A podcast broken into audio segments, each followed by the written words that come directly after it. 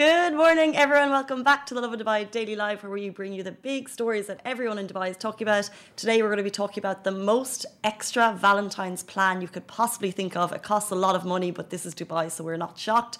We're also going to talk about the amazing Keanu Reeves Chris Fade moment on the Oscars red carpet.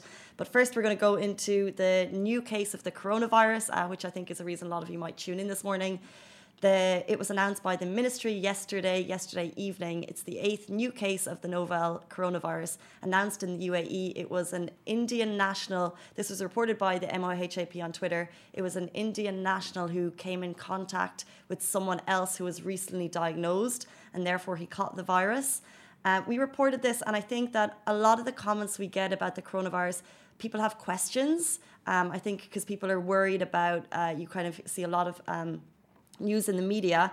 So I think uh, what you can do if you're on shore is you can contact the Dubai Health Authority. Their number is 800 342. And also, I just want to talk about some of the tips because we always talk about washing your hands thoroughly, but I just want to go quickly through some of the ways that you can avoid catching the virus. There's just seven here, and this was on the ministry site. And I think I think it's kind of key. So avoid shaking hands. If you see people, just wave, which I think might be kind of. Uh, unusual like the first couple of times, but I think everyone knows the coronavirus uh, is here. So I think if we start waving rather than shaking hands, would that be weird at the start? We start waving instead of shaking hands? That is very strange. Alan thinks, or carry, which I'm carrying now very regularly, carry the spray, medical spray, which is selling out in pharmacies, but you can still get it. Do you spray people with it or do you spray your hands with it? Alan asked if I spray people. Well, actually, so it's it's a hand sanitizer, but they told me it's also for spraying around your face and spraying in your area, which goes on to the next one. It says avoid close contact with people in public areas, which is hard to do. I mean, if you're taking the metro at rush hour, very hard to avoid. But if you bring your spray, I think people would risk. Spray in public. I think that's okay at the moment because a lot of people are masking up. But if you don't want to wear the mask, because you you know the mask is just one thing. There's a lot of like these kind of tips: avoid hugging, kissing others, uh, avoid nose to nose greetings, and the last one, which uh, is applicable to all of us, when you're sneezing, cover your nose and mouth with the inside of your elbow. That's an old one. That that that that came out when the uh, what was the one with the pigs? What was that virus? I'm not the, sure. The influenza. The, SARS? No, no, the, the I don't know. I don't know. Uh, anyway, they came out a long time ago. It was like three, four years ago, where they started like teaching us in schools to like uh, cough or sneeze into our elbows. Yeah, I never knew, guys. Do, are you sneezing into your elbows or to your hands? They recommend your elbow, and then obviously use a tissue if you have to use your hand. These are all tips and tricks. They're on our website. They're also on Ministry of Health and Prevention.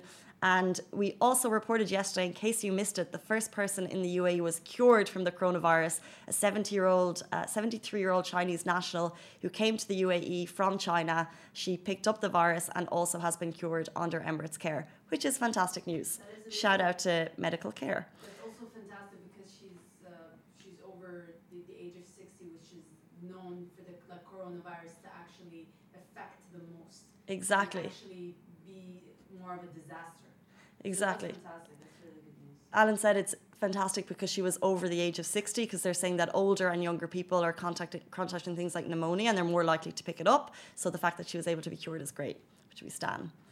Moving on, moving on, there's my millennial speak. Moving on to our next story on a lighter note. First of all, we're going to talk to you about the most extra thing you can do in Dubai for Valentine's. But I just want to shout out that Shireen wrote an article yesterday which has more affordable things. So, although we're going to be talking about something that costs 15,000 dirham, if that's not within your budget, it's not within any of our budgets. And even if it is, maybe you'd want to spend it elsewhere. But there are cheaper options. And also, as well as the cheaper options, you can also go onto Instagram. We have three competitions at the moment on Lovin Dubai and you can actually win really cute Valentines. There's a new uh, Mediterranean restaurant in JLT. You can win Valentines. So go onto our Instagram, three posted in the last two days, which you may actually get your Valentines for free. In case you've been living under a rock, Valentine's is coming on Friday. Are you Valentine's or anti Valentine's, Alan? I don't care. She's filming me right now. you don't care. Okay, well, it's coming. So you're either excited or you're like hiding under a duvet. Both are fine. But if you have a special occasion planned, there's a couple of outrageous things you can do. So one I'll just shout out really quickly. You can go to a private cabana on Atlantis, the Palm private beach. Only eight couples are able to do it for 4,000 dirham. There'll be a violinist, and it's 4,000 dirham. If you want to go a step up, Ossiano is a restaurant in Atlantis, the Palm. It's the Alan is just like it gets more. Four thousand is a lot. This one gets higher. Ossiano is the re- restaurant in Atlantis, which is uh, surrounded by an aquarium. So packages there start from 720, but then you're kind of sit- seated like you don't have the premium seating. This is for one person on Valentine's Day night. But if you want the premium seating in the premium zone with a seven course meal and free flowing drinks and the icing on cake for this one, you can actually have a diver come into the aquarium and write a personalized message on Valentine's Day.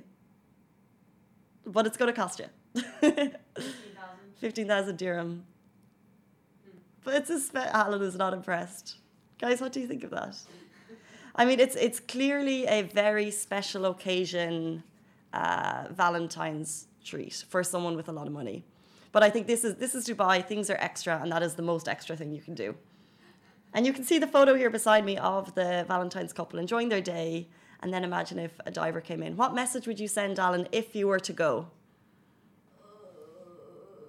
I'm internally cringing at this question because my answer is probably double the cringe. No. Um, if I were a romantic person at heart. It doesn't need to be romantic. Imagine if you brought It's Valentine's Day. What do you mean it doesn't have to be romantic? Valentine. This is the thing. Why does Valentine's Day have to be a day that only couples go out? I mean, it's a day of love. Exactly. Love equals romance, whether it's friendly romance Or family romance. Family, that's weird. Oh, Or family love, I mean. That's what I meant to say. So your message would be it might, it might be a proposal, actually. okay. Yeah. I feel like that's If you're paying that much money, Yeah. I mean, might as well, you know. this is what I'm thinking is I can't think of anything beyond a proposal, but if you guys have any suggestions, what would you have your diver say and to who would you have your diver say it to? Just uh, I'll go back. This is 15,000 dirham. It's available on Friday at Atlantis the Palm in Ossiano. But if you don't have that cash to blow, check out our latest list of cool things to do for Valentine's Day in Dubai, which just went live yesterday evening, and also the, the competitions, which are free to join. You can enter as many times as you want, which is on the Lovin Dubai Instagram page. Moving on to our final story. Yesterday, guys, was the Oscars red carpet. The buzz was huge. We saw for the first time ever a foreign movie film, foreign language movie film won uh, Best Picture, which was fantastic, Parasite. But also, kind of the buzz at the moment is we saw Chris Fade. He pulled the Lebanese card on the Oscars red carpet. And I'm just going to play the video for you quickly and then we can talk about it after. We'll play it now.